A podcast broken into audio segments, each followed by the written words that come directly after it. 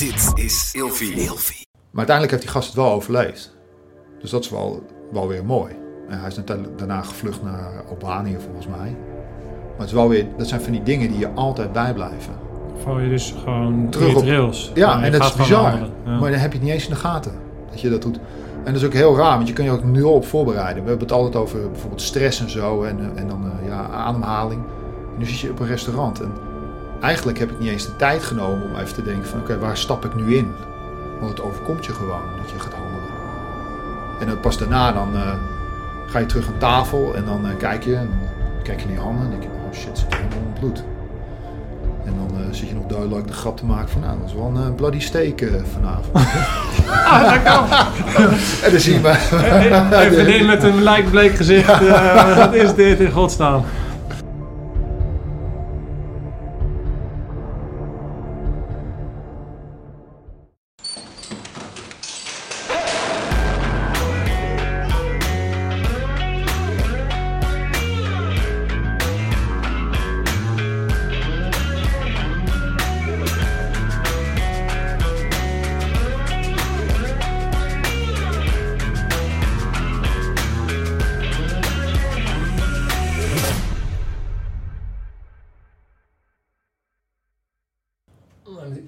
Dan net... eh, Ja, oké. Zie toch aan, hè? Hij moet douchen met zijn armen wijd, anders zakt hij door het putje heen.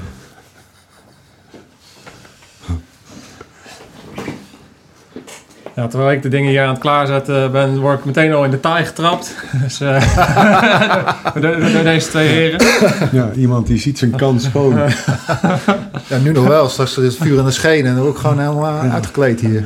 Ja, pas op, hè, rechtgezet. als je, als je die toon helemaal zet, dan, eh, Oh, shit. dan, dan gaan we het een keer. eh.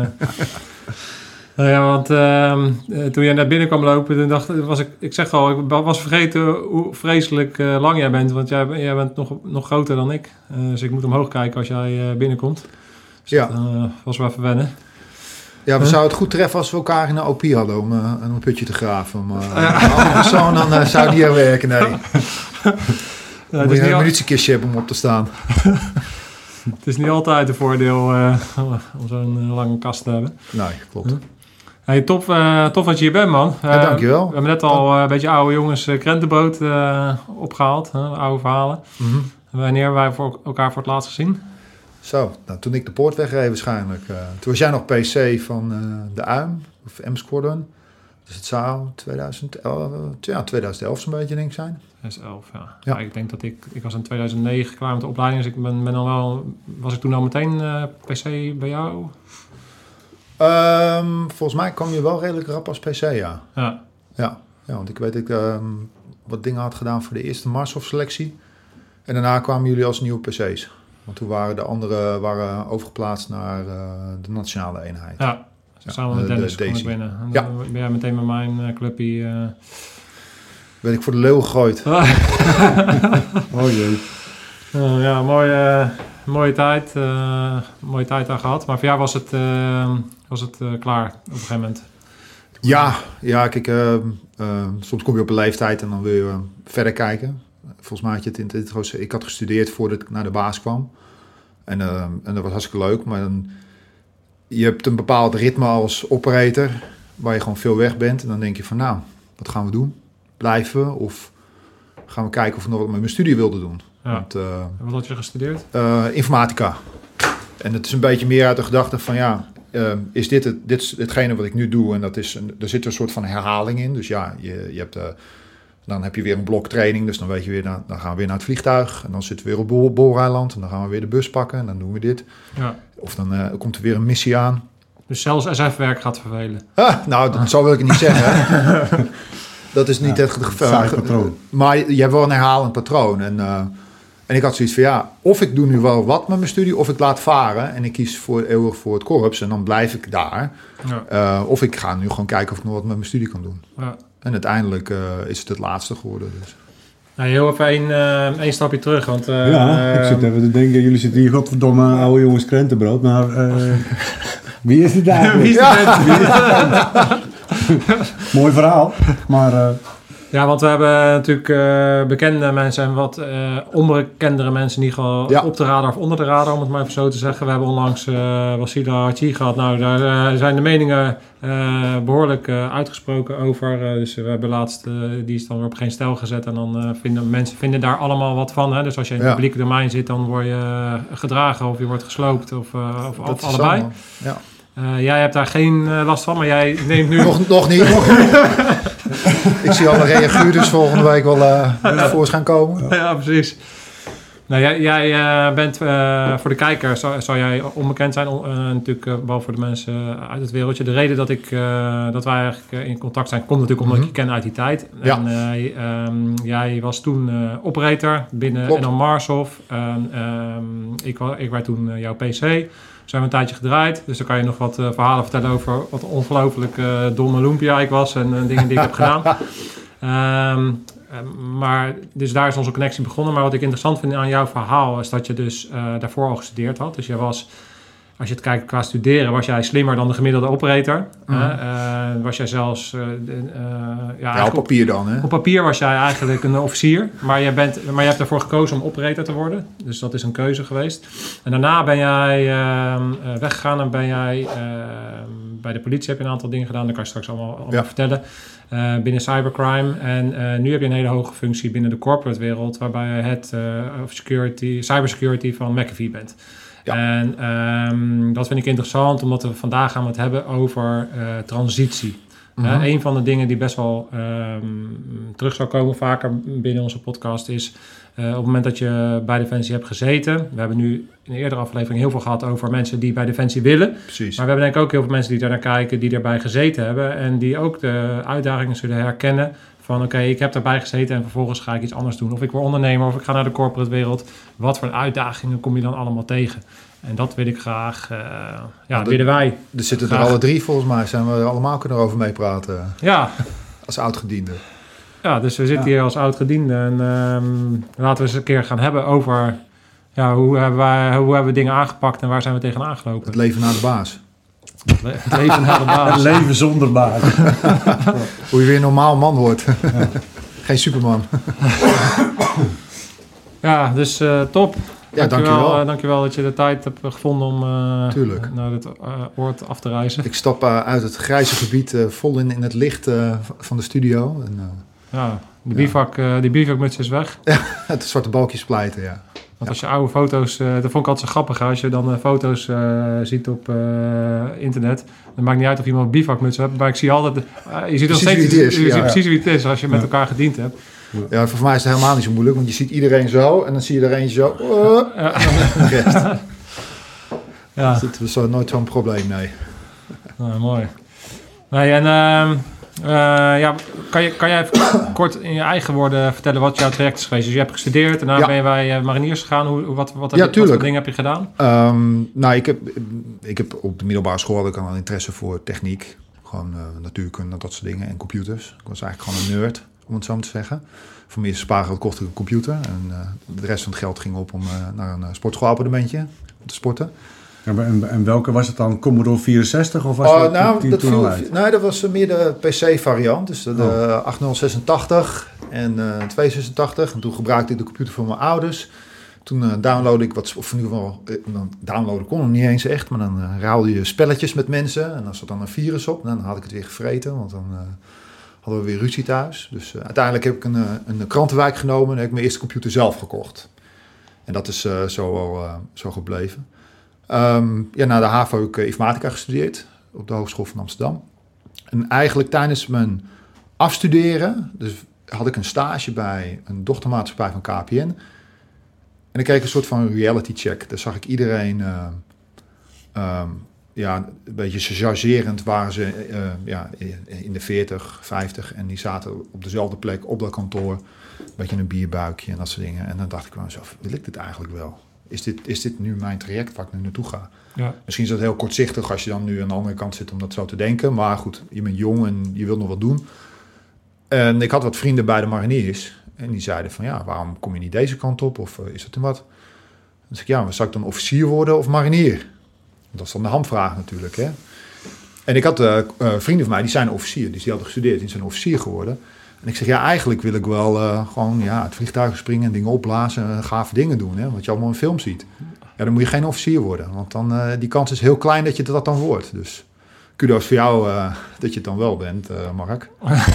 een van de weinigen. Want ja, het is eigenlijk gewoon een simpele rekensom. Als je de SF-club kijkt, dan eh, heb je een x-aantal operators... en er zit maar een, een beperkt aantal officieren in. Ja. Dus de kans dat je... En er is niks, niks te nadelen van al die andere dingen... maar als je dat speciaal wil, dan, dan is die rekensom een stuk makkelijker. Ja, ja, je, En ik, je bent- bent dat is wel wel rekenen. duidelijk. ja, nou ja, en, en ik had ook zoiets van, ja, wat wel belangrijk is, is van, voor mezelf had ik zoiets van, ik wil wel gewoon kijken of het wat is. En als ik dan een carrière wil maken, dan heb ik in ieder geval gewoon als operator meegedraaid. Dus dan heb je uit alle lagen, kun je ervaring op doen. Ja. En dan is je ervaringsbasis is gewoon best wel rijk. En dat is best wel, dan, als je dat zo beschrijft, dan was je daar wel best wel bewust mee bezig, zeg maar. Als ik, ik, ik had meer, ik ben naar een eh, voorlichting gegaan en ik hoorde wat aan. Ik dacht, oh ja, ik moet bij de mariniers zijn. Oh, wat moet ik dan gaan doen? Eh, ja, je hebt eh, VWO gedaan, dus je moet eh, officier worden. Ja, En toen dan, dan ben ik dat allemaal gevolgd. Dus dat vind ik wel eh, opmerkelijk dat jij daar heel erg bewust eh, voor gekozen hebt. ja, maar dat is ook wel, als ik dan op een gegeven moment door had wat ik wilde, dan ga ik er ook wel voor. Ja. Dus dan, dan, dan, dan wordt het heel doelgericht en dan ga ik die kant op. Dus dat is ook zo gegaan. En eh, ja, dan heb je eerst natuurlijk als marinier moet je de EVO eh, doorlopen. Dat gingen ze niet moeilijk doen bij de keuring. Dan zeiden ze van, nou, eh, jij, jij hebt gestudeerd en jij moet, jij moet officier worden. In eerste instantie wel. En dan toen zagen ze hoe lang ik was. En toen ging het gauw over mijn lengte. Dat ik niet in een putje paste of in een schip. En, en uiteindelijk, nee, uiteindelijk was dat niet zo'n probleem. Oké. Dus dat was, was wel bijzonder in de EVO. En dat was ook later altijd wel bijzonder dat je dan gestudeerd had. Maar dat wil ik wel voorop zeggen, is dat er ook... Ik ken ook heel veel jongens die gewoon op jonge leeftijd bij het korps... of misschien ook bij ergens anders zijn gegaan... maar die zich op latere leeftijd altijd nog wel zijn gaan studeren. Dus het zegt helemaal niks over wat jij... eh, ja, aan de, aan de start sta je als het ware met een papiertje. Ja. Maar uiteindelijk is het, eh, is het geen, geen sprint tot een bepaalde functie. Het is natuurlijk een marathon in je hele leven. En ja. Ja, mensen ontwikkelen zich op een later moment ook wel. Dus het, het zegt helemaal niks over de capaciteit van een persoon. Het is alleen dat je een papiertje hebt die. eh dat je Nou, dat, gedaan. want dat is ook wel een dingetje wat ik eh, zeker binnen de SF-community, maar ook bij de mariniers, eh, niet overal hoor. Want eh, de- ik genera- generaliseer natuurlijk een beetje, Ja. maar er zit wel een bepaalde slimheid, eh, ehm, vind ik bij, bij de jongens. En dat is. Eh, ja, jij had dan de, de papieren op zak, maar ik merkte wel eh, dat er heel veel jongens zaten die heel erg straatslim en gewoon heel erg pragmatisch slim waren. En die, Mhm. die, was, die ook de capaciteit hadden om te studeren. Tuurlijk. En als leidinggevende was dat best wel uitdagend. Want ik krijg wel eens te horen van, nou ja, het is toch makkelijk om militaire leiding te geven, want die, die doen gewoon wat je zegt. Maar ik kan je meegeven dat als jij aan eh, dit soort jongens, of het nou binnen AT is of mariniers of commando's, leiding wil geven, ehm, dat je eh, extra sterk in je schoenen moet staan bijna, omdat jullie eh, heel erg goed weten wat je wil en, en hoe je dingen voor elkaar krijgt. En ook nog eens een keer heel veel know-how en eh, Mhm. kennis hebben. En dat, daar moet je dan met elkaar het beste product eh, eh, Ja. neerzetten. Eh, dus ik zag in ieder geval een hoog, ehm, ja, als je het een naampje moet geven, een hoog IQ op zich wel binnen, Ja. binnen, binnen de eenheid. En eh, daar zullen we vast grapjes over krijgen van het zijn allemaal domme dieren. Weet ik, dat, dat, dat, Nou ja, mijn is- ervaring is anders in ieder geval. Kijk, je- kijk je, het is ook een soort selectietraject wat je doorloopt. Hè? Want het is me wel eens verteld dat als je ehm, in Amsterdam opkomt, dan is één op de drie die wordt goedgekeurd volgens mij. Ja, En dan, en dan heb je een mariniersopleiding. Nou, die is niet, eh, ehm, eh, om zo te zeggen, allemachtig eh, zwaar. Maar hij is wel pittig.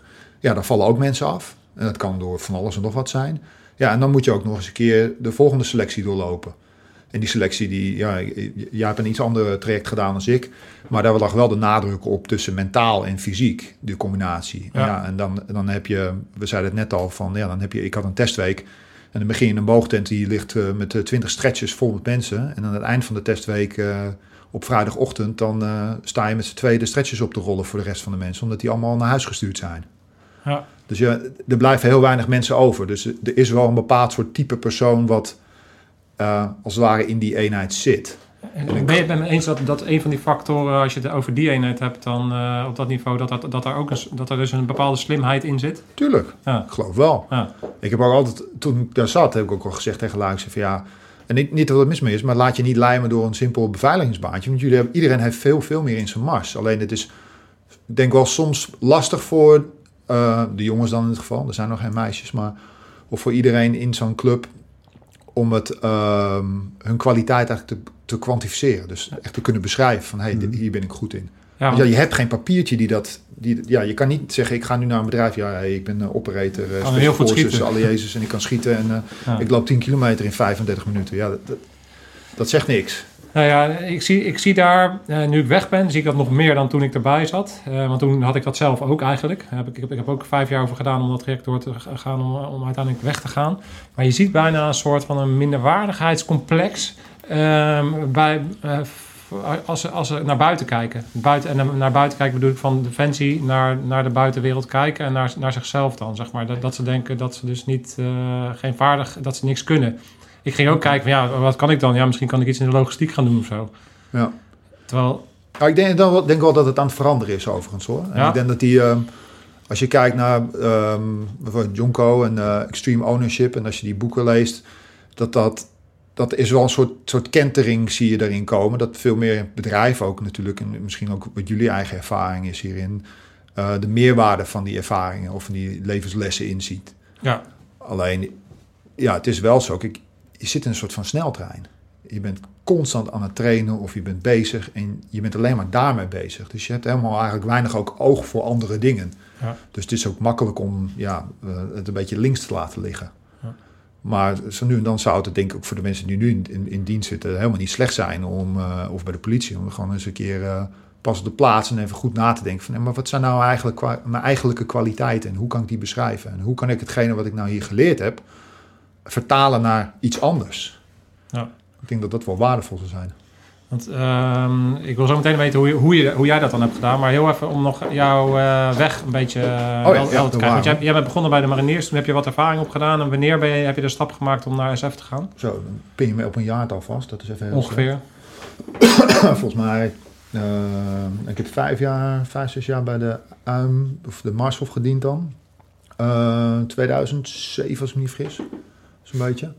Ik had een van de laatste zwarte opleidingen, zoals ze dat destijds noemen. Toen het nog niet eh, binnen Mars of... eh, Toen Marshof nog geborgd niet bestond. Nou ja, dus dan had je eh, de amfibische sectie, Emel Verpel en eh, de antiterreurclub, dus de UIM, BBA. Ja, Dat was net na de oprichting volgens mij van de DSI en de BBAC dat die samen zijn ja gegaan. 2006 deze hier denk ik opgericht. Ja, ja. En, hoe lang zat jij toen al bij de toen je die testweek ging doen? Drie jaar. En eh, heb je toen ook uitzendingen gedraaid? Of, eh, Ja, ik ben één keer eh, ik ben naar eh, Afghanistan geweest daarvoor. was een hartstikke leuke tijd. Eh was eigenlijk het, het wel heel grappig, want een groot deel van het EVO-blok, dus de jongens met wie je opkwam, heel veel jongens van jonge jongens, dus van een jaar of 18, die zaten daarin. Dus dan eh, heb je een gemeleerd gezelschap en ik zat daar met een, eh, een ander maatje en we waren eigenlijk de wat ouderen. Ouderen, want je was 24. Nou, god mijn god, hé, dan eh, ben je al eh opa. Oude poep. Oude poep. Maar dat was wel, eh, ik, ik heb een hartstikke leuke tijd daar gehad eh, op zich. Kijk, je ziet leuke dingen en minder leuke dingen, maar eh, wel heel leerzaam en eh, een goede tijd. En iedereen is, eh, zover ik weet, heel hard teruggekomen van mijn missie. Dus dat is, eh, tenminste fysiek. Mentaal kan ik nog niet oordelen, want ik, ja, ik spreek niet iedereen meer. Maar Nee. een goede tijd gehad. En wat is dan leerzaam? Nou, je- leert, je wordt ge, eigenlijk, ik denk voor de jonge jongens helemaal, maar je wordt getorpedeerd. je bent gewend aan het Nederlands leven. Je bent gewend aan, nou, dan heb je net je mariniersopleiding gehad. En dan word je in één keer naar de andere kant van de wereld gestuurd. En je staat daar in een land en het is stoffig, zanderig, van alles en nog wat. En er is een totaal ander referentiekader. Dus je leert je wel eh, de hokjesgeest van Nederland los te laten. En gewoon, als je dat toelaat tenminste, want er zijn ook mensen die dat niet doen. Maar dan wel jezelf blootstellen aan een andere cultuur en dan met een bepaalde missie. Dat je, ja, je wilt hulp bieden of, eh, veiligheid bieden en dat soort dingen. En dat is wel heel, ik, ik vind dat heel waardevol. Dat je ziet van ja, we hebben het eigenlijk best wel heel goed in Nederland. En deze mensen zitten er al behoorlijk diep in de penarie. En eh, ja, er is maar wat, we kunnen wel wat voor hun betekenen. Ja. En, eh, en dat het niet allemaal vanzelfsprekend is dat je maar gewoon vrij op straat kan lopen en eh, naar de McDonald's kan een hamburger kan halen of wat dan ook. En, en, en wat is het dan wat je zeg maar, vanuit die ervaring meeneemt in, eh, in je huidige werk? Ehm, Als je het dan hebt over connectie ja, maken. Ja, precies. Hè, Jan Kaas die, eh, die eh, de poort uitrijdt eh, voor altijd en dan denkt van wat, wat, wat breng ik nou? Ja, nou dat is, dat is sowieso die perceptie dat het niet overal even makkelijk is. En dat je, ehm één ding wat me wel bijblijft, is dat je met soms weinig middelen veel moet doen. Dus ook daar, ja, ehm, you, you got to play with the cards you've been dealt. Dus eh, soms krijg je gewoon iets op je bord en dan moet je het maar mee doen.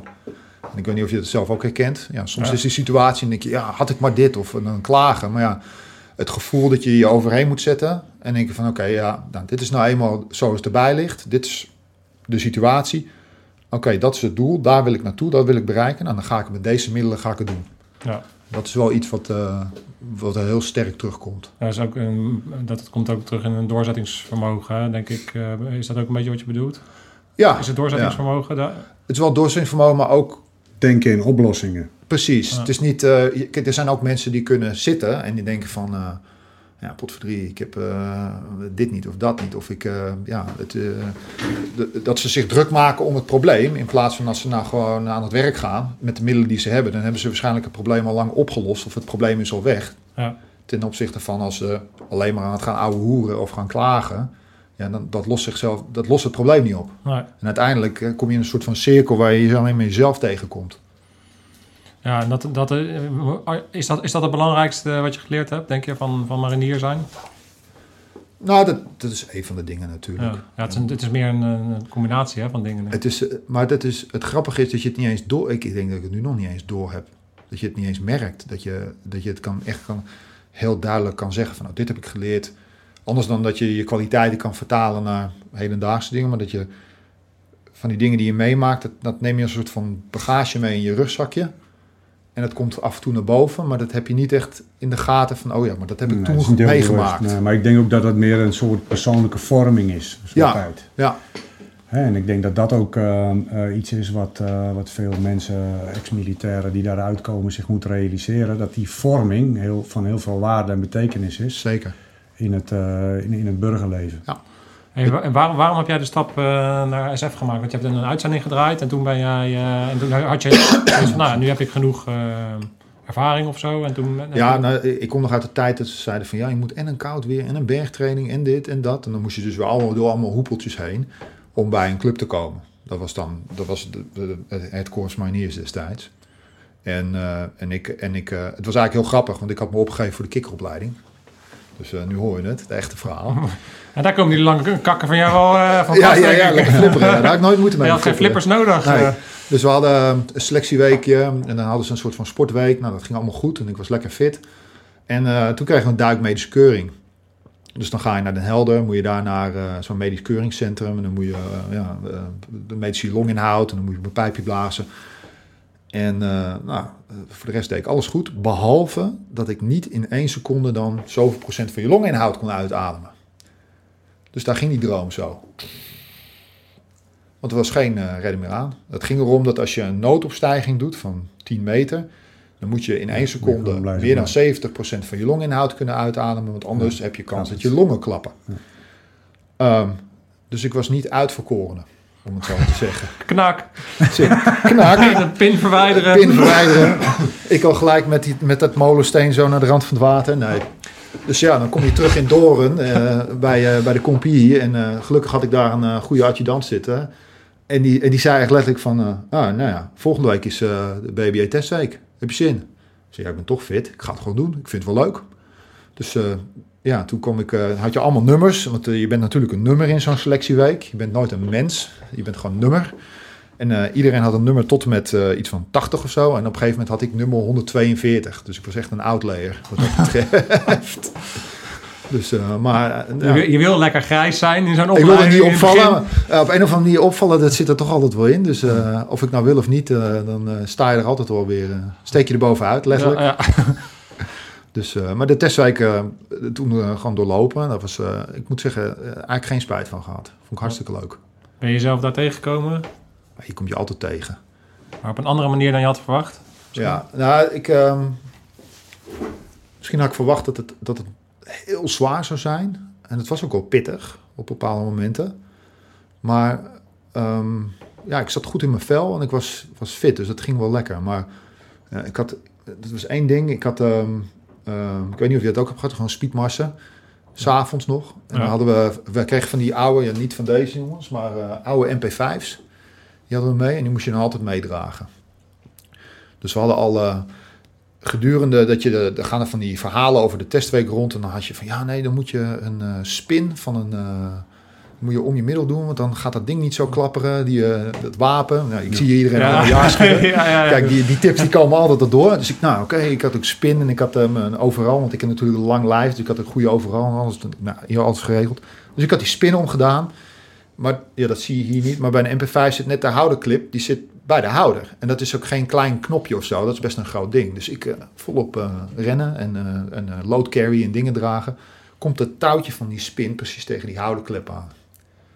Flikkert die houder eruit, zo, boem, op de grond. Ik, shit, en ik hoor en ik wil mezelf omdraaien. En zo, ah, 142, ren maar door, die is voor ons. Dus ik, shit. Dat was dus het instructiekader, die had het ook gezien. En die pakt zo die houder op. Dus ik denk, nou, oh ik denk, oh nee, dit, dit ga ik terugkrijgen. Dit, eh, dit wordt een funny. Terwijl ik, ja, ik denk van, ja, wat heb ik nou misgedaan? Want ik merkte dat ik wil hem oppakken. Dus aan het einde van de rit eh, werd ik even naar voren geroepen. En eh, toen kreeg ik een speciale houder, dat ik hem niet meer zou vergeten. En dat was een, eh, een, eh, dat was een stoeprand, een biels, van ongeveer zo groot, en bijna 50 kilo. En die kon ik de rest van de hele testweek meeslepen. dus eh, Nee, jullie hadden het ook zo'n helm met een, met een ezelstaart eraan of zo. Die, die, die heb ik niet gehad, nee, Nee? nee. Maar er waren ook gasten die, maar dat is wel, ik, ik De wel- weekendopdrachten. Ja, de weekendopdracht hier. Ja, wat er wel leuk is, dat je, je ziet wel mensen die ermee om kunnen gaan. Want ik denk van ja, kan ik nou gaan klagen erover? Ik denk ja, ik, vind- ik vind het niet leuk. Want ja, het heeft een impact op je fysieke gesteldheid. Het 50 kilo al meeslepen als de rest het niet hoeft te doen, dat is niet leuk. Buiten dat je gewoon voor lul staat en, eh, en je gewoon continu maar dan moet je gewoon met een glimlach doen. Ja, precies. je Ja, maar, maar dat moet je kunnen dus. Ja, Ja, maar daar waren ook lui, die, ja, die, die knappen, dat zie je gewoon, die knappen dan af. ja, Dus die, eh, die, die kunnen daar niet mee omgaan. Nou ja, oké, ja, het is maar een week. ja. Of, of het Ja. is maar vier weken. Het is, het Ja, is een bepaalde en- tijd. en het is maar 50 kilo. Dus eh, Ja, waar praat je over, hè? Ik kan me wel herinneren, een gast die had eh, bij ons in de poot omdat uh, lopen scheiden in het zijterrein. Dat, mocht- dat mag natuurlijk niet zomaar. Nu heeft hij zijn hele weekend besteed om een hele grote drol moest hij namaken. Dus die kwam maandagochtend met zo'n gigantische drol. Oh, eh, fantastisch. aan. en die heeft de hele week heeft hij die mee moeten nemen Ja. in zijn rugzak.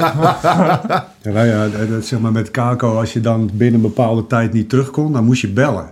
Oké. En dan, eh, dat, dat ging allemaal met een telefoonkaart. Dan moest je telefooncel, telefoonkaart, moest je het nummer bellen van het kader en haalden ze je op. Ja.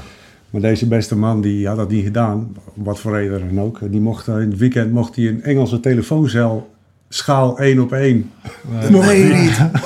mocht hij maken. Ja, hoe dan? Ja, hoe dan? En fixen, hè? Ja, tuurlijk. Absoluut. Ja, die weekendopdrachten die zijn wel meestelijk hoor. Dat, maar dat zijn al die opleidingen. Dan zie je de meest bizarre constructies terugkomen. Dat je denkt, oh, er is Ja. wat gebeurd. Ja, ook die levensgrote eh can, hoe noem je dat ding ook weer? Die, eh, die, die- waar je uit drinkt.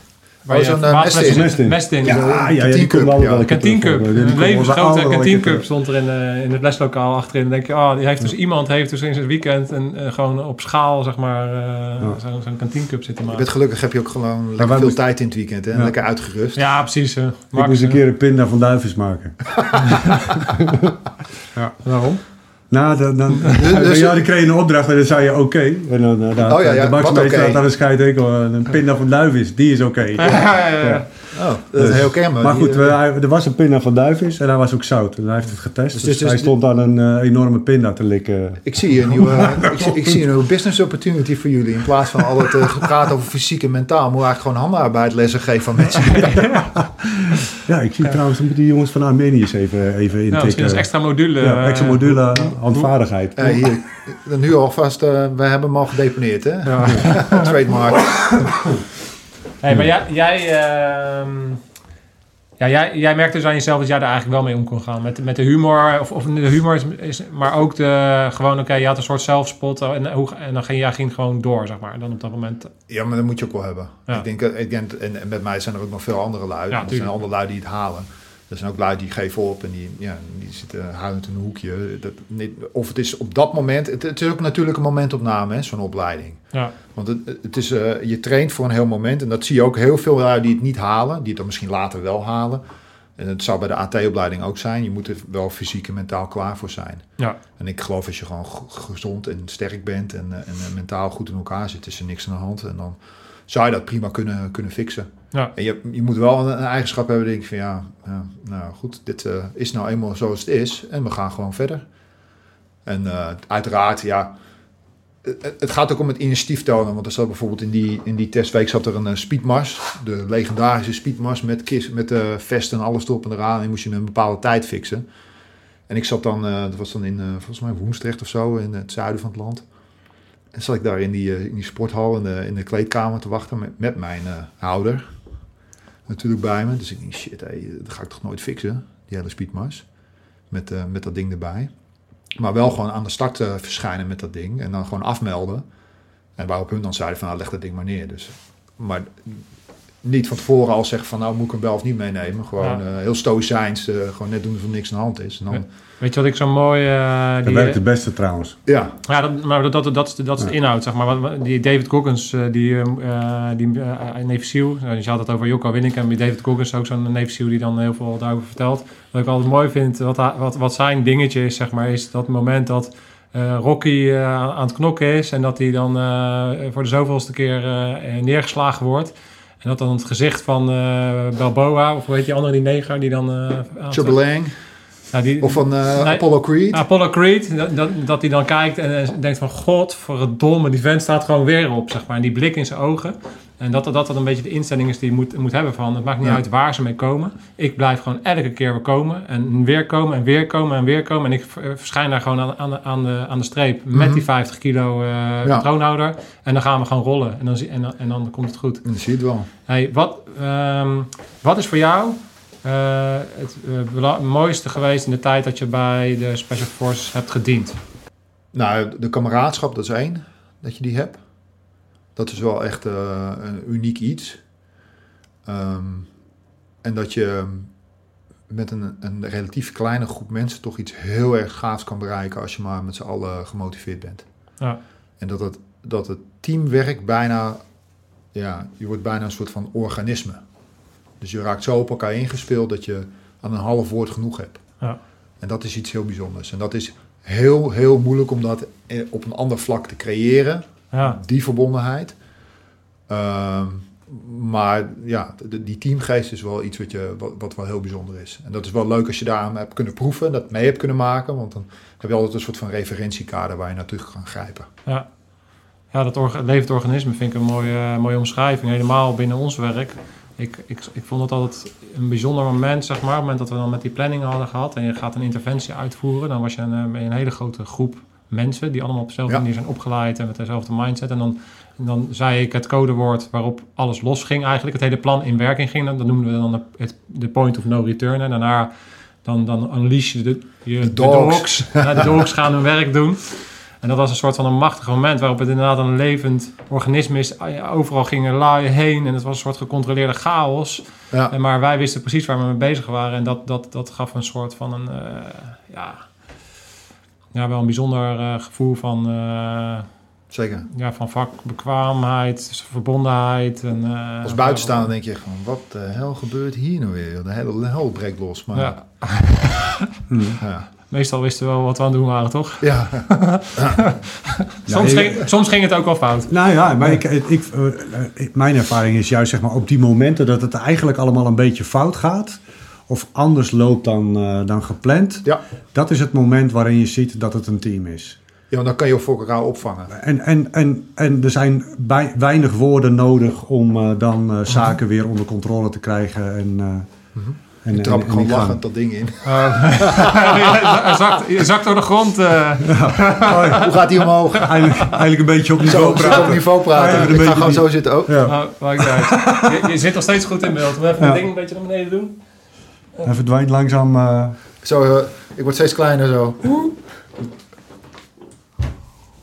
Zo, niks aan de hand. Doe, eh, doe ietsje naar beneden, je microfoon. Zo. Dan hangt hij zo voor mijn uh, Ja, ja, bakkers. Nou, want ik kan me ook nog wel herinneren dat ehm, het was natuurlijk niet alleen maar goed. Wij, ik was jouw leidinggevende en dus eh, we hadden een rol. Ik zag het meer als een team. Ik had een andere eh, rol in het team dan dat ik... eh, het is altijd een soort van in een militair is hiërarchisch en is dat Ja. boven. Ik heb nooit mezelf nooit gevoeld alsof ik boven jullie stond, maar, maar dat we samen een, een taakverdeling hadden.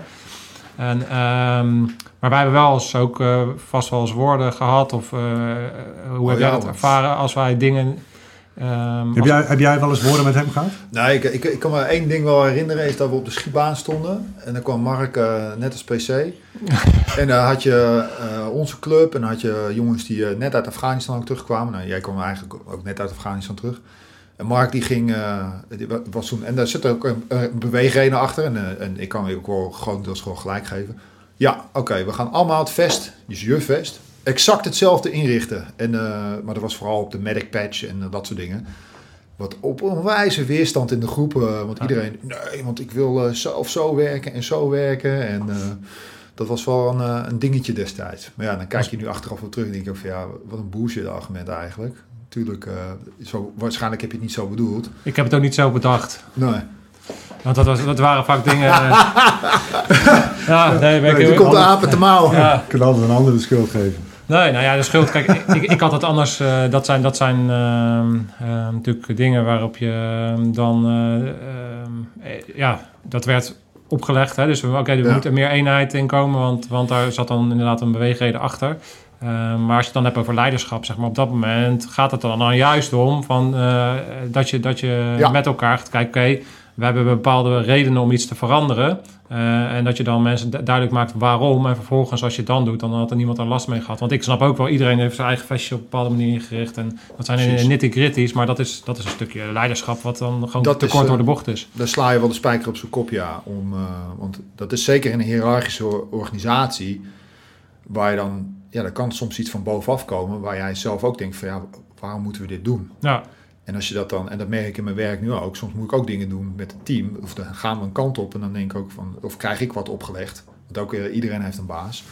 En dan zeg je van, ja, waarom zouden we dit moeten doen? Maar daar is het juist belangrijk dat je weer die, die eigenlijk het leidinggeven naar boven. Dus je eigen leidinggevende uitvraagt van, oké, maar wat gaan we doen? Wat is het belang? Want jij weet dat je 30 van die warriors hebt staan en die staan Ja. in je nek te hijgen. Om, eh, en die hebben altijd kritiek. Dat Ja. maakt ook heel lastig. Ja. En ja, soms moet je gewoon dingen doen die je niet leuk vindt. Maar als je snapt wat het grote geheel is, dan maakt het wel een verschil ten opzichte van, ja, je doet dingen die je niet leuk vindt en je weet ook niet waar je het doet. Ja. En dan kun je dat ook veel makkelijker of gewoon verkopen, ja, of eigenlijk aandragen als leidinggevende. En dan wordt het veel beter gedragen. Anders Ja. dan dat je, want dat is echt een doodsteek voor een team, als je als leidinggevende al niet het nut van iets inziet en dan het team als het ware die eh, houding of attitude meegeeft, ja. ja, dan heeft het team al helemaal het gevoel van ja, waarom gaan we dit zo doen? Terwijl Ja. er best wel een kern van waarheid in kan zitten Ja. om het wel te doen. Ja, en dan nog een andere context, want het is hele grappig eigenlijk dit. Want dan nu ik erover nadenk, ehm, ik kwam inderdaad net uit Afghanistan. En daar heb ik eh, met Afghanen, die natuurlijk een iets andere kwaliteit hadden, ehm, eh, om het maar even zo te zeggen. Dat waren gewoon struikrovers met, met, met wapens. Daar moesten wij operaties mee uitvoeren. En, dan kom je, en als je het hebt over ehm, een flexibele mindset en een, een dynamische omgeving als defensie is, dan ga je dus van, van dat spectrum, ga je eigenlijk een opleiding en vervolgens ga je leiding geven aan, aan de best getrainde militairen die Nederland rijk is. En dan heb je weer een hele andere leiderschapsstijl nodig, zeg maar. Ja. Het Dus- is wel een conflict met elkaar, ik kan me wel voorstellen. Ja, dus daarin, daar moet je gewoon ontwikkelen. En wat jij benoemt is, is eh, leading up and down the chain, zoals Jocko dat dan noemt. Hè? Ja. Dus dat je inderdaad, eh, als jij een eh, tussenniveau bent als leidinggevende, dat je goed helder hebt waar je staat op de ladder. En dat je de context weet te geven naar beneden toe, zonder dat het... En af en toe moet je ook kunnen zeggen van, v- vertrouw op mij, voer dit uit, want... Want er is nu geen tijd om alles uit te leggen. Eh, maar je moet wel zoveel mogelijk context proberen te geven. En als je die niet zelf hebt, om die te gaan halen boven, bo- bij de leidinggevende die je hebt. Zie je dat nu, nu in, het leiden, in de corporate wereld zit eh, eh, als een kwaliteit? Ja, zeker weten. Zeker weten. Want, dat- eh, wat ik eh, als feedback van collega's krijg is van, John, waarom ben je altijd zo positief? Of waarom eh, is het glas half vol of wat dan ook? Denk ik van ja, eh, soms vind ik dingen ook niet leuk, maar wat heeft het nou voor zin als ik daarover ga sikkeneuren? En eh, natuurlijk als mijn vrouw nu luistert, dan zou ze denken van, eh, wat een bullshit, die klaagt thuis ook wel eens. maar toch, eh, ja, maar het is wel zo dat je, ja, ik probeer ook altijd duidelijkheid te krijgen van degene die bovenaan staat. Of Ja. eh, boven mij staat. En dan probeer ik weer te vertalen naar het team. Dat ik zeg van, hé, hey, oké jongens, we moeten dit nu doen. Dit gaan we oppakken. En misschien is het wel iets wat we niet willen doen momenteel. Maar dan zie het maar als een uitdaging. En misschien kan de, hetgene wat we nu niet willen doen... wel tot onze grootste eh, asset worden. Of tot onze grootste kracht. Dat weet je niet. Hm. Soms, ja, wat je zegt, je krijgt soms dingen in je schoot geworpen... En denk je in eerste instantie ook van, nou, dat wil ik, wil ik dat eigenlijk wel. En dan uiteindelijk dan ben je ermee bezig en dan ga je koesteren. En dan denk je, ah, ik vind het eigenlijk best wel interessant. Ja. Hey. Ik heel veel nog, eh, want eigenlijk was het eh, thema vandaag eh, transitie. Maar je merkt al dat we best wel veel, eh, dat, dat het dus Dat is niet om, helemaal. We- Het blijven een beetje plakken. blijven. Ja. Jij zou ons eruit halen. Ja. maar het, eh, ik vind het ook wel lekker. Dus, in de comfortzone lullen dit. eh. nou, kijk, jij bent natuurlijk op een gegeven moment, heb jij, de, jij hebt op een gegeven moment de keuze gemaakt om eh, eruit te gaan. Ja. Eh, en ik ben dan benieuwd, eh, waarom heb je dat besluit gemaakt? En eh, wat zijn een beetje de dingen waar je tegenaan gelopen bent? Oh ja, nou, wat ik al eerder aangaf, ik, ik had gestudeerd en, en niet wat een en ander, we waren gewoon heel veel weg. Ik zat in een team en daar was ik, nou ja, en dat is iets wat mensen ook wel moeten beseffen, dat eh, je bent gewoon veel weg. En het was op dat moment, was er even een toevallige aaneenschakeling van dingen. En dan had ik de rekensom gemaakt, was ik acht weken per jaar thuis. En dat is inclusief kerst en, en de zomervakantie. Dus dat was, eh was behoorlijke aanslag is dat op je privéleven. Ehm, ja, ja, mijn privéleven was gewoon het werk. Dus je moet je wel beseffen, en dat besefte ik me dan ook, dat, dat mijn relatie die ik destijds had, dat die gewoon op nummer twee stond. Of misschien wel op nummer drie. Dat het werk gewoon, dat was gewoon alles toen. Ja. Ehm, en, ehm, maar ik wilde wat rustiger aan doen. En ik wilde wat met mijn studie doen. Dus ik dacht, nou, even kijken. En uiteindelijk heb ik dan, eh, ben ik bij de politie beland.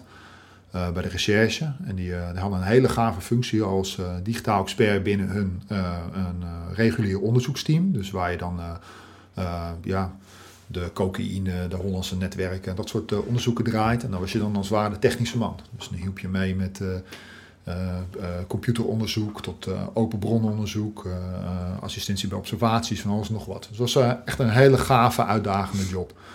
En Ben je ondersteunend aan een recherche? ja, je zit in een team, dus je bent onderdeel van een team. Dus, je, dus het is, ehm, je hebt de normale tactische rechercheurs en dit was dan een, eh, ik had een specialiteit in digitale kant. Oh ja.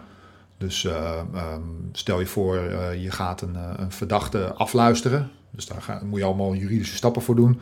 Dan kan je de telefoon afluisteren, maar je kan ook naar zijn datastroom kijken. En daar kun je ook dingen uithalen. Dus Oh. die datastroom was dan mijn pakje aan. Ja. Je kan je voorstellen, je gaat, uiteindelijk heb je een onderzoek. En dat vond ik eigenlijk wel heel uitdagend. Is dat je recherchewerk, dat je van A tot Z weet je het. Dus je, bent, je, je, je leeft je helemaal in en je hebt precies in de gaten wat er aan de hand is met een onderzoek of met een persoon of met een groep. En dan ga je, eh, doe je een zoeking, dus dan ga je bij iemand op zoek. Dus wat, eh, wat het AT normaal, eh, die, die klopt als het ware voor ons. En dan komen wij daarna naar binnen. Dus hoe het 9 van de 10 keer ging. Dat was ook wel heel grappig, want ik had de mariniers verlaten. Ja, En nog binnen twee weken later had ik de eerste instap. En toen was het, eh, ik stap uit de auto in mijn, in mijn jasje van de Nationale Recherche, zonder bivakmuts. En dan komt zo de bear voorbij rijden. En die zit helemaal vol met eh, allemaal, hey John, hoi, hey, hallo. En ik, eh, hey. Maar wat ook wel grappig is, wij trainen natuurlijk altijd, of we deden dingen, en dan was het altijd tot en met eh, overgave. Ja, Eh, van oké, ja, vanaf hier is ons werk gedaan en dan, eh, dan komt de, de recherche en die was altijd PM. omhoog. Ja. Eh, en nu, zat je, nu maakt je eigenlijk dan de, de volgende stap mee. Ja, ja, en dat was wel eh, op zich ook wel heel goed. Want ehm, ehm, wat wel heel interessant was om te zien is dat, eh, kijk, als je als AT naar binnen gaat bij mensen, en zeker in Nederland, bij, bij, bij, gewoon bij mensen thuis, dan maak je dingen mee en je hebt dan de verdachte afvoer en dan geef je het over aan de recherche. Maar de recherche is meestal met een zoeking nog uren bezig. En dan zit je echt op, het- echt op, het, eh, op het geduld van mensen te werken. Dus soms eh, dan heb je al, eh, dan is de ruit eruit geslagen en de deur is eruit. Het is een beetje alsof je een feestje geeft en mensen maken rotzooi en die gaan dan weg. en dan zit jij er nog. En dan dat kan soms een beetje een nare gevolgen hebben. En Maar- ouders komen binnenkort thuis. ja, precies. En dan zit jij daar. Ja, maar hey, dat heb ik niet gedaan. Maar uiteindelijk heb je het wel gedaan. Maar goed. Ja. Maar dat, is, eh, maar dat is wel een hele leuke kijk. Want dan haal je de hele boel overhoop. En dan eh, vind je in één keer onder een matras nog een pistool. Of, eh, of er ligt er in één keer in een, eh, in een wagentje in de hoek ligt in één keer een miljoen euro. Dus heb ik onder een trapgat een keer een miljoen euro gevonden. Dus het, is- ik vond het een heel leuk werk. Heel uitdagend. Je hebt ook een huisje nu eh Ik in heb het een heel buitenland. Als je leuk ingericht. Ja, precies. Nee, nee, nee, nee, nee, nee, niks ervan. Nee. Gekkigheid. Nee, dat is wel, eh, dat is wel eh, krankzinnig wat je af en toe eh, vindt in die, eh, in die Ja. eh, woningen. En het is ook, maar dat zou je zelf ook beamen, denk ik. Je komt bij mensen over de vloer. Je, je, je weet, je, je komt, ja, ook zijn we bij BN'ers over de vloer geweest, of wat bekendere mensen, maar, en sommige boeven die hebben het heel goed. Maar er zijn ook mensen die, die, die zitten aan de onderkant van de samenleving. En dat is niet altijd even prettig waar je dan bent. Nee. Dat ze, die hebben het echt niet, niet makkelijk, om het zo maar te zeggen. Ja, dan kom je daar wel even binnen met je maat 46 en dan stap je overal overheen. Dat is wel eh, confronterend voor veel mensen ook. Ja, nou, ik, ja, ik moet zeggen dat. eh, ik hoor wat je zegt, maar eh, ik, ik realiseer me ook dat, eh, dat we zeg maar, vaak dan naar binnen eh, eh, klappen en binnen een paar tellen is het eh, werk gedaan. Ja, dat zit jou bij de McDonald's. Ja, nou ja, met- ja. In de sportschool, toch? Nee, maar dat, hè, dat, dat, dat- je vaak nog wel een hoop ellende achterlaat. Ja. Zeker, eh, zeker als je met springstof naar binnen gaat of zo. Dat, eh, Ja, springstof is, eh, dat geeft leuke rotzooi. zeg dat is maar. een deurklink die aan de andere kant van de gang nog door de, door hal heen vliegt. Ja. Ja. nee, die, die hebben we ook. Maar dat, dat hoort er ook bij. Maar dat, eh, op zich, het recherchewerk is hartstikke tof. Want dan, dan zie je eigenlijk het grotere facet. En dan zie je ook waar, de, waar eigenlijk de... de menselijk, meer de menselijke kant. Menselijke van, kant, ja. Ja, je hebt, eh, er is een Duitse film, voor de mensen die echt geïnteresseerd zijn. eh, dat is Leven der Anderen.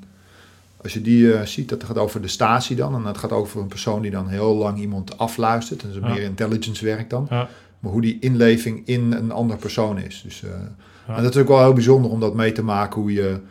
ehm, ja, wij zaten gewoon dag en nacht op, op kantoor te afluisteren hoe de verdachte, en dat was dan een grote boef, hoe die dan eh ja, hoeren, sloeren, taxi rijden, alle leuke dingen deed. En dan denk je, zit ik hier eh, zondagavond zo eh, met de microfoon op mijn hoofd zo eh, alles uit te typen wat hij zit te vertellen. Dat is toch wel heel bijzonder. Ja. En dan krijg je een kijk in iemands leven. Dus, maar dat is even een zijstraat natuurlijk. Ja.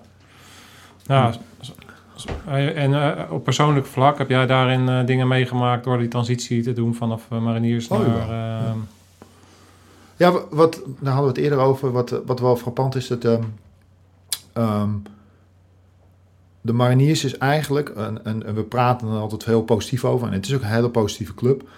Maar ik vind het grootste nadeel van, van dat soort clubjes is dat het heel veel, het is heel veel borstklopperij. Maar het is ook heel veel, kijk, we hadden het over het uniform, hè. ja, En dat kunnen we allebei beamen als je je baraté aan hebt. Iedereen kijkt naar hoeveel ja, medailles, speltjes of dingetjes iemand heeft. Dus Ja. er is een hele erge cultuur van het iemand op uiterlijk beoordelen. Iemand die kan heel hard rennen of is heel sterk, dat is een goede vent. Maar als hij gewoon, eh, zodra de deur open gaat, niet meer weet wat links en rechts is... en dat hij gewoon eh, de verkeerde persoon aanschiet of wat dan ook... dan werd er dan in één keer... Ja, bij het AT wordt daar veel sterker op gefocust. Ik denk dat dat veel meer eh, geciviliseerd is. Maar dat is bij de mariniers was het nog altijd wel zoiets van... ja, maar hij is een hele goede gast. Of, Ja. Want hij is gewoon super sterk. ja, want hij kan heel hard lopen. Ja, en het, het, het- het- dat, dat wedstrijdje verpissen als het ware. Waarbij ik dat merkte al bij de politie en in het bedrijfsleven nog veel meer... is dat er, zijn zoveel mensen met ehm, ongekende kwaliteiten... dat je mensen niet op een uiterlijk moet beoordelen daarin. En dat, dat mensen die, die eigenlijk, ja, als je die zou meten volgens de maatstaven... die bij- door de stand, ware, de mal waar jij in gestand bent... zou vergelijken, dat dat, dat niet opgaat. Dat diegene gewoon, eh, ja, denk je van... nou, ja, die zou ik geen stuiver waard geven. Maar dan zou die accelereren in zijn, in zijn eigen vakgebied. En dat is juist heel gaaf. Het enige wat je wel merkt is dat de, de belastbaarheid van mensen verschilt. Omdat ze op een, ja, ze zitten op een ander niveau. Ze hebben er nooit een ander soort stress meegemaakt natuurlijk. Ja. Dus dat is, ja, daar Maar- moet je wel mee om kunnen gaan. Maar wat is je punt precies? Want, eh, want je, maar je, je, dat je niet mensen op hun uiterlijk moet beoordelen. En dat, dat je, je- dat, dat wat bij, bij dit soort, bij de mariniers, misschien bij, bij hele mannelijke beroepen, dat dat wel vaak gebeurt. en, en nu zie je dat het anders kan. Tuurlijk, ja. Ja. Dat mensen ook gewoon uh, supergoed hun werk kunnen doen. En niet per se uh, sterk of hard of ver kunnen zijn. Dat het altijd maar het vergelijken is. Ja. Je, ja, en je kan niet van tevoren zien wat iemand meedraagt qua eigen problemen of, of andere dingen. Ja. Wat invloed kan hebben op zijn uh, performance. Ja. En dat is een stukje sensitiviteit wat ik echt heb moeten leren. Wat je, wat, wat, wat, omdat het, ja, bij de mariniers was dat er niet. Of ja, het was er tot een dele, maar dan is het van, uh, ja, Aoua, uh, kom we gaan sporten of uh, Ah. ja, ben je ziel, hè? ben je ziel. Maar, en dan merk je dat je nu met veel meer verschillende soorten mensen moet, moet, moet omgaan. Dus je moet daar veel meer open voor staan. En dat is wel iets wat, ja, dan moet je een soort van schild afgooien, misschien wel. Ja. Ja, hoe, hoe, is dat met de hokken en stoten gegaan bij jou? Nou, dat, nou ja, het is misschien een soort van besef. En misschien eh, heb ik ook wel, eh, ja, misschien onbewust wel mensen in het harnas gejaagd soms, omdat je dan wat kort af bent of zo. Heel direct. Ja, heel direct. Maar dat, daar word je, maar dat is, ik denk dat iedereen dat heeft. Want ja, als je gewoon jong bent, misschien is het ook wel heeft te maken met de periode dat je dit soort werk doet. Dat je dat ook in een periode van je leven doet, dat je gewoon wat jonger en directer en, wat, en dat je wijsheid komt met de jaren. Nou, ik heb een paar grijze haren, dus ik ben nog niet zo... Uh... Niet zo grijs als ik, wou je zeggen. Nee, precies. Touché. Nee, maar ik denk dat, ik denk dat je daar wel uh, uh, een spijker mee op zijn uh, kop, zijn kop Ja. slaat. Hè, dat, ehm, eh, ik, nou ja, binnen een AT's ook, eh, Erwin die had het over de strijd der barretten, ehm, wij de, Oh, ja. de strijd der eh, eh, lichtingen. Hè, de ene lichting was nog zwaarder dan de andere lichting. En dan had je binnen had je de strijd de- der eh, AT's, eh, er waren er een stuk of zes, zeven in het land. Precies.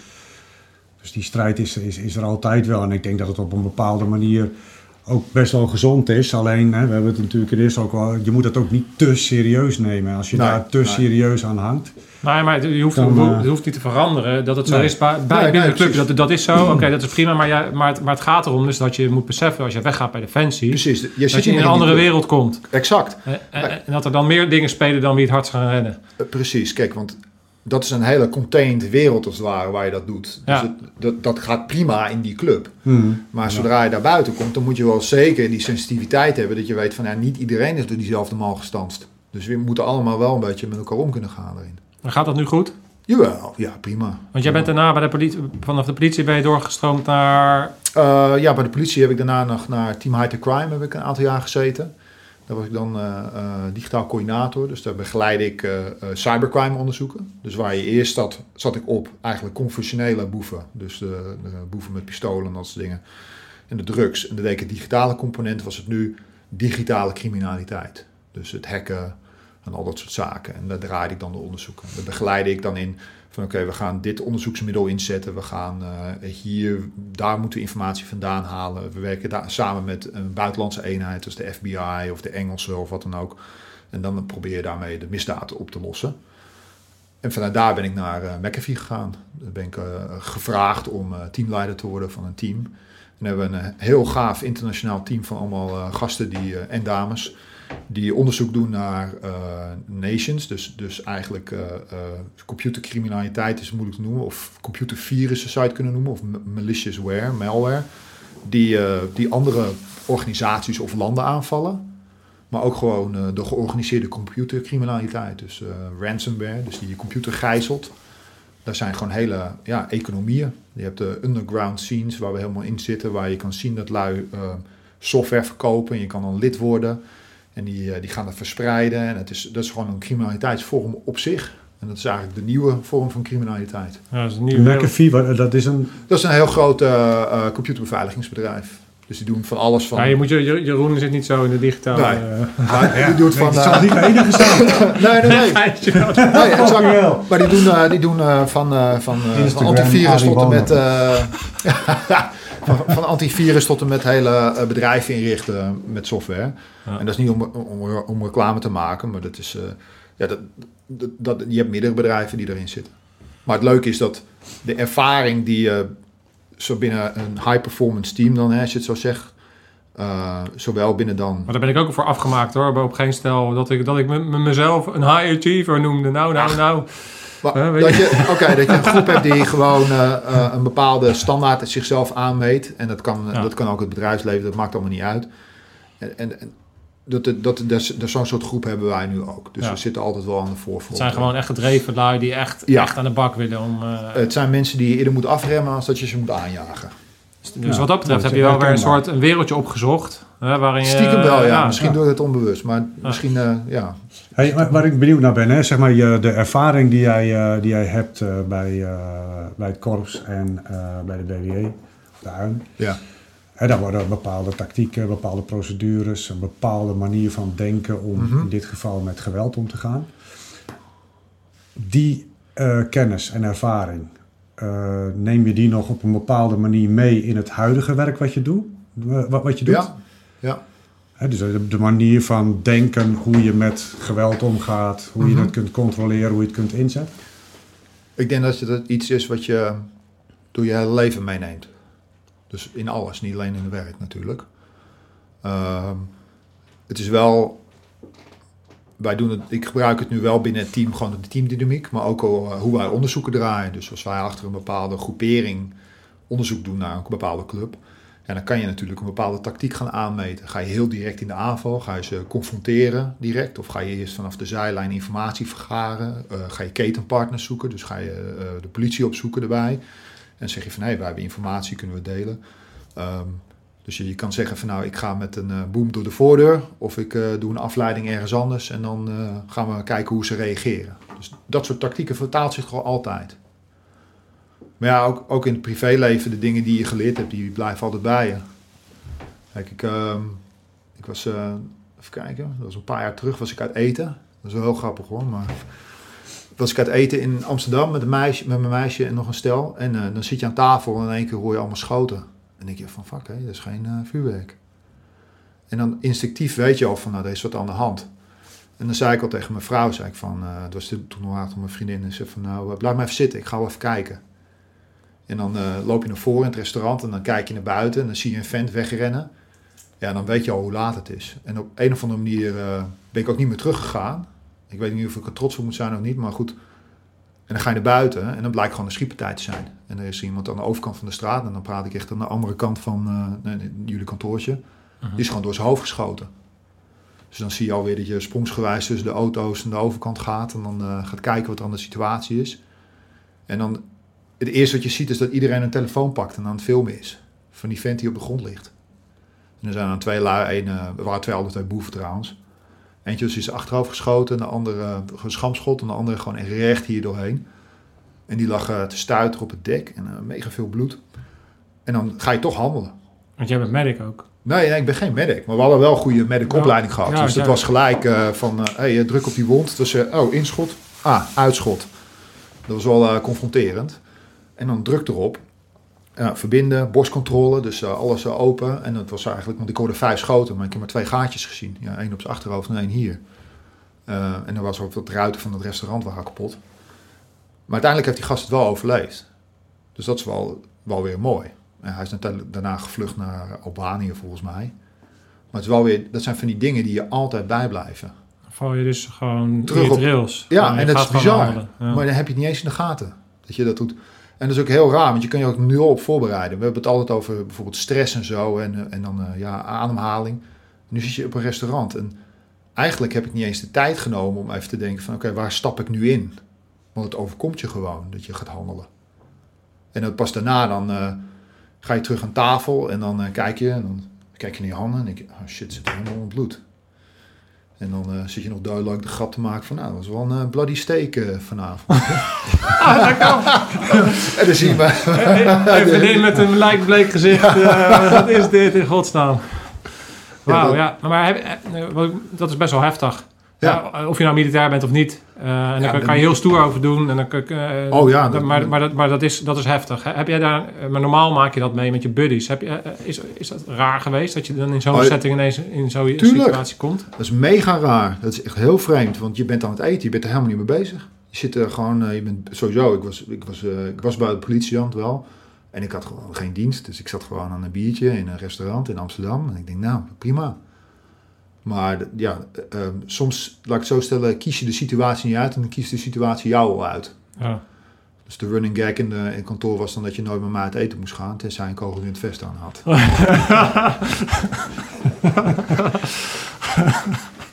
dus, eh, Oh, wauw. Maar dat is dan de aard van het beestje. Ja, want ik had ook kunnen kiezen dat ik gewoon... En dat is wel... Dat is precies... Nou, ook wel weer wat misschien wel negatief is. Maar dat is misschien... Kijk, eh, mijn vrouw zei van... Ja, waarom zoek je het gevaar op? Waarom ga je er naartoe? Want je wil helpen. Dat is wat ik wil. Ja. Maar aan de andere kant denk ik ook van... Ja, eigenlijk heb je ook wel een punt. Want prio 1 moet natuurlijk je- ook je gezin zijn. Of de veiligheid van anderen. Ja. Dus ja, dat is, dat is best zo'n scheidslijn hè, waar je dan in zit. Ja. Maar dat is mijn werk niet meer op dat moment. Maar ja, Ja. je kiest er wel voor om daar te staan natuurlijk. Ja, ja, je kiest er dan voor een verantwoordelijkheid. en te aan de andere kant eh, eh, is, is juist misschien het feit dat je daarheen gaat... voor jou ook de mogelijkheid om veel sneller te kunnen handelen... Ja, ter Ja. bescherming van mensen in zo'n restaurant. ja Je zeker. kunt eh, blijven zitten eh, en, eh, en het op je af laten komen... of je gaat er naartoe en je kijkt wat je eraan kan doen. Ja, nee, dat is misschien ook wel zo. We waren overigens wel de, een van de weinigen die de rekening betaald hadden, want de rest was allemaal weggerend. Ja, mooi. hè? Heb je iemands leven gered, moet je nog godverdomme een rekening betalen ook. eh. Nou, juist. ja, ja, lek. Je moet rekening. Zo is het toch? You're always in the shit, only the debt fairies. Ja. Ja, je kent het nog. eh. Ja, mooi. eh, bijzonder. Bijzonder verhaal. Hey, wat, ehm, wat ik even benieuwd ben, ehm, is... ehm, je hebt een paar keer mijn vraag ontweken. Maar je hebt... Eh nee, gekkigheid hoor. Maar ja, oh, eh, ik denk dat er veel mensen eh, onderschatten wat het eh, effect is op je privéleven... op het moment dat jij de overstap maakt van, eh, ehm, van marinier of wat dan ook... een militair naar, naar een privéleven. Aha. Zou jij wat meer kunnen vertellen over dat traject? Ehm, ja, het gaat niet zonder slag of stoot. Kijk, punt 1. als je weggaat en je komt vanuit een soort van sneltrein en je gaat als het ware in de, op de 80 km per uur wegrijden, dan, dan, dan doet dat wel wat met je. Ehm, ik had een relatie en ik, ik weet ik was gewoon veel weg, die acht weken per jaar. Hè.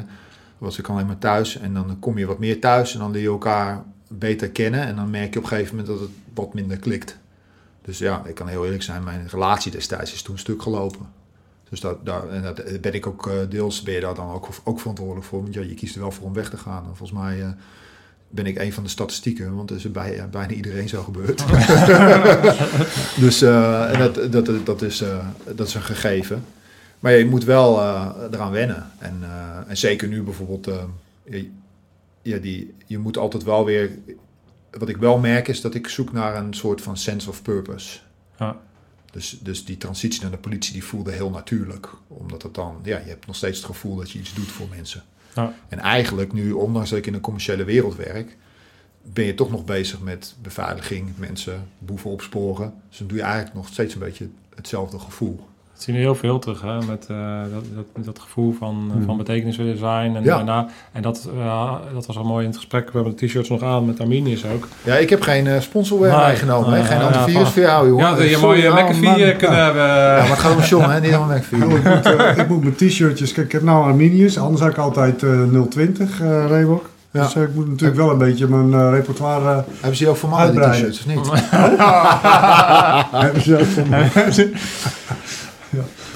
Nou, wat, wat, wat, eh, wij hebben dat natuurlijk, hè, wij hebben ons, eh, wij hebben- je moet op zoek gaan dus eigenlijk naar een nieuwe purpose. Op het moment dat je bij Defensie zit, dan Ja. is het heel duidelijk. Dan, eh, dan heb je het gevoel van, van betekenis te zijn. En of dat dan daadwerkelijk is, dat, dat is een andere, andere discussie. Maar je hebt in ieder geval het gevoel dat je iets goeds doet. En dat de maatschappij naar je kijkt van dat, nou, dat, je- dat je iets goeds doet. eh, Mhm. voor, tenminste een deel van de maatschappij dan. Maar vervolgens eh, maar ga je die overstap maken. En dan moet je ineens zelf een soort je purpose bepalen. En daar denk ik dat mensen last van hebben. Of, of Ik kan me best voorstellen dat Ja. het lastig kan zijn. Ehm, ja, dat zal verschillen per persoon natuurlijk. Het ligt er maar net aan hoe bevlogen je bent natuurlijk in, eh, in je baan bij Defensie. Ja, En hoe je daar tegenaan kijkt. En het is iets wat je meedraagt. Ik zie het als een plusje. Ja. Dus, ja, jij, eh, jij bent gewoon gaan zoeken naar weer... Is dat bewust geweest? Dus- nee, dus- misschien nee. onbewust. Oh, Ehm, en ja, wat, wat wel, kijk, nu werk ik bijvoorbeeld veel vanuit huis. En dat je, je merkt wel dat het, de, je moet in te- die ja, zelfdiscipline moet er wel in zitten. Dus eh waarin je voorheen een werk had waar je gewoon altijd er moest zijn. Dus ja, Ja. en, eh, als jij niet eh, s ochtends er bent bij de briefing, dan, dan val je op. dan kwam PC Pollen... Uh, PC Pollen, dan mocht ik naar het bureau komen. eh. En dan gaan die hakken zo tegen elkaar klikken en dan eh, moet ik me afmelden bij de In streep. welke, in, in welke tijd van het jaar hadden ze ook alweer last? Heb je ook alweer last van po- pollen, allergie, dat soort dingen? Het hele jaar door. Ja, eh, precies. Behalve op springweek, nee. nee, nee, maar dat, eh, maar dat je wel eh, eh, voelt van dat je je eigen dag kan indelen. Dat je het gevoel van, hé, hey, maar dat zou ook met on- ondernemerschap, denk ik dat het, eh, want ik heb daar geen ervaring mee, want ik werk natuurlijk voor een baas, maar dat je, Nou, niemand, ja, niemand, niemand, kijkt over je schouder mee. Nou ja, en heb je dat, ik heb dat af en toe wel... Ik, moet, ik heb wel een beetje mijn weg moeten vinden weer om een bepaalde structuur in te bouwen. Want als je eigenlijk geen structuur meer hebt, je hoeft niet meer op te staan. Dan, dan ja, oké, ja, je, je doet dan wel dingen. Ja, maar ja, je- nou ja, dat, ja, ja, weet je wel. Maar je moet dus weer eh lui om je heen gaan verzamelen. En, eh, Ja. als, als ondernemer, maar jij als, als, als werknemer of als, als, in, een, in een bedrijf... moet je gewoon weer een beetje je weg vinden en kijken van hoe gaat dat voor mij werken. Alleen maar thuiswerken, daar word je niet, niet echt vrolijk van. Nee, klopt, klopt. Nou, en ik merk, ik, ik merk aan mezelf dat ik eh, bijna eh, 24 uur per dag ook aan het werk ben. En eh, niet heel erg geconcentreerd de hele tijd, Mhm, maar wel mhm. de hele tijd bezig bent met je werk. En dan, ja, als Ja. je dan, weet je ik heb, ik heb gewoon eh, drie, eh, drie jonge jongens thuis lopen en, en een vrouw. En eh, ja, die... eh, Hoe doe je dat dan? Want Nou merk ja, je zodra door- je dat je afwezig bent dan met je hoofd? Dat je ergens aan zit te denken? Of, eh, Mm, ook, maar ik probeer nu gewoon eh, heel duidelijk tegen mezelf te zeggen van nou, tot dan. ja. En dan, eh, dan doe ik zo lang niks. En als ik dan s'avonds eh nog, eh, nog zaken heb liggen, dan doe ik dat pas als, als, die, kinderen op bed liggen. Ja, precies. Maar is het ook een transitiefase dat je nu daarmee begint? Of is dat... want ik, ik, als ik dan terug refereer naar, naar de... Ja, vroeger hadden we piepers. En dat zou je ook hebben gehad. Dan kom je net bij de club en dan heb je dat ding in je broekzak... en dan kijk je iedere 10 minuten of die wel niet Ja. afgaat. Zo, dat, dat, En, dan, dat- en op een gegeven moment raak je eraan geroutineerd... en dan denk je ook van ja, weet je... ik merk het wel wanneer die komt en ehm, je gaat je ding doen. Ja. Dus ik merk het ook. Ik moet gewoon even... Je moet soms je weg vinden. Ja. Ja, en je wordt er ook gewoon eh, keihard op gewezen. Door de mensen om je Oh heen. ja, oh lachend, ja. Ja, van, eh, weet je, doe eens even normaal, man. Ja, ja, ja, dat heeft toch wel eens. eh, merk je dat je altijd een, een baan hebt gehad waarbij je alles eigenlijk aan kant schuift, omdat de, baan niet gaat voor, voor je gevoel. En dan mensen zeggen altijd wel, je gezin staat op één. Ja, dat is het op dat moment. Voor mij persoonlijk zeg ik van ja, die heeft altijd op twee gestaan. Klaar. Ik had geen vrouw, ik had gewoon een eh, relatie met een vriendin, geen kinderen, dus ja, dat is misschien een andere situatie. Maar ze moeten wel wat opofferen, laat ik het zo stellen. Absoluut. En, en nu merk je wel dat je gewoon voor een normaal, of je werkt voor een bedrijf en je hebt je andere dingen. En ondanks dat je diezelfde bevlogenheid hebt die je had, moet je wel, wat je zegt, je af en toe gewoon bewust de rem erop zetten. Dus je van nee, wacht van nee, eh, ik heb ook gewoon nog mensen die op mij eh, moeten rekenen. En die zitten er ook niet op te wachten dat je een soort van eh, afwezige zombie zo eh gedachten verzonken bent of wel altijd achter de computer. Ja, Ja. Dat, eh, dat gevaar is er wel. Ja. Helemaal met die, die, die, eh, de, de, met zo'n podcast en alle reacties die je krijgt. eh, je bent er toch eh, best wel... eh, En dan zit je maar een uurtje per week opgesloten met Mark en hockey. Ah, ja, zo lijkt dat. Ja. Maar, eh, de hele dag. Echt waar. We moeten weer aan de bak. Moeten we een slaapzak maken die jullie kunnen delen? of Ja, zo? nou, die hebben we boven. Ja. Gewoon, eh, maar een matrasje. en, eh, Ja. de, mo de mopsok, alles eh, is nog steeds hetzelfde. Ja. Nou ja, dus de balans, balans eh, vinden is iets wat we niet heel erg eh, natuurlijk hebben. En waarin, we waren, dus we hebben natuurlijk extremiteiten in onze persoonlijkheid zitten. Anders, anders ga je dat werk niet doen. En dan moet je ineens eh, voor jezelf weer een nieuwe weg vinden, denk ik. Daarna. Ja, het, het vereist een bepaalde opoffering in welke vorm je dat wil doen. En dat is, en dat is iets, of je moet iemand hebben die naast je staat, die dat accepteert. Dus, dus je, je, je relatie of zo. Maar het heeft gewoon, eh, het heeft, het heeft effect. Ja. En ja, het is als je, ik had een andere collega van mij die zei van ja, John, je moet eigenlijk dat je weer gewoon normaal mens wordt. Dat je niet meer eh, lang hard en ver of alles erop en eraan en eh, dat je zo vaak, voor vaak sport. Dat je gewoon, ja, er zijn andere dingen ook belangrijk. Ja, En dat is misschien ook wel, dat heeft misschien, het staat ook los van het werk of wat dan ook, maar met gewoon de fase waar je in bent in het leven. ja, Maar eh, ik, denk, ik denk wel dat het iets is waar ik persoonlijk, eh, daar moet ik wel aan wennen, ja. Als Ja. ik eh, op vakantie ben, dan, eh, dan gaat de werktelefoon, de laptop gaat gewoon mee. Want stel je voor als de brand uitbreekt, bij wijze van. eh, Ja. En ik ben er niet bij, dan... eh, ja, ik heb, Ja, dus toch nog een beetje dat ouderwetse Ja, eh, bang zijn dat je iets mist. ja, echt. Ja. Serieus, dat, is echt, dat blijft erin. Ja. En dat, eh, dat brengt je heel veel goeds, want je bent er altijd en je, je staat vooraan en je doet dingen. Maar aan de andere kant eh, moet je eigenlijk ook gewoon loslaten, want het kan niet altijd, eh, kan, kan die snaar kan niet altijd zo gespannen zijn natuurlijk. Ja, maar en ik denk dat het ook iets is waar je in moet groeien. Ik denk Tuurlijk, dat als je ja. eh, ook in, de- in de baan die je nu hebt meer volwassen wordt, zeg maar, meer ervaring krijgt, Ja. dat je het ook steeds meer los kan laten. Maar dat verschilt ook wel weer, want als je natuurlijk van functie naar functie verwisselt, dan komt die boog altijd weer terug.